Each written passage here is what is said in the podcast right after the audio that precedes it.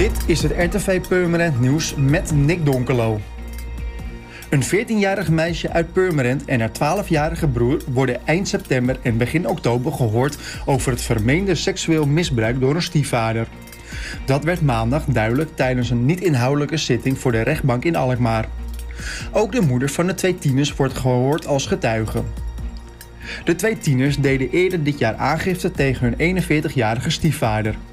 Beiden zouden sinds 2015 seksueel zijn misbruikt toen ze 8 en 6 jaar oud waren. Verdachte Marco van der El zit sinds maart dit jaar in de cel.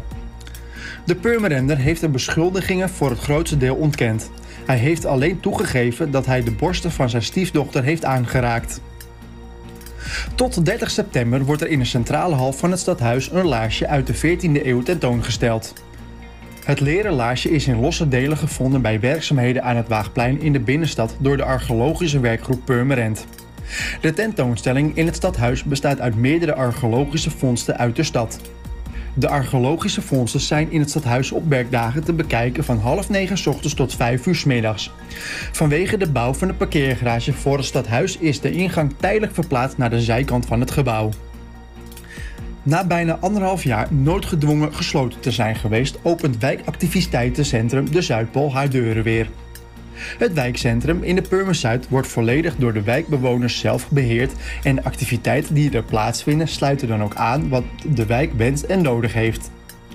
Er zijn weer vertrouwde activiteiten waar gezelligheid en ontmoeting voorop staan, zoals diverse inloopactiviteiten en bepaalde openingsuren met bingo, klaverjassen, troefkal en de ouderensoos. Er is ook weer volop beweging speciaal voor ouderen. Maar er is ook tai chi en rock'n'roll waar iedereen welkom is. Wijkactiviteitencentrum De Zuidpool is te vinden aan het driegangpad 1 in het park De Driegang in de Purmer Zuid. Voor meer nieuws, kijk of luister natuurlijk naar RTV Purmerend, volg je onze socials of ga je natuurlijk naar onze website, dat is www.rtvpurmerend.nl.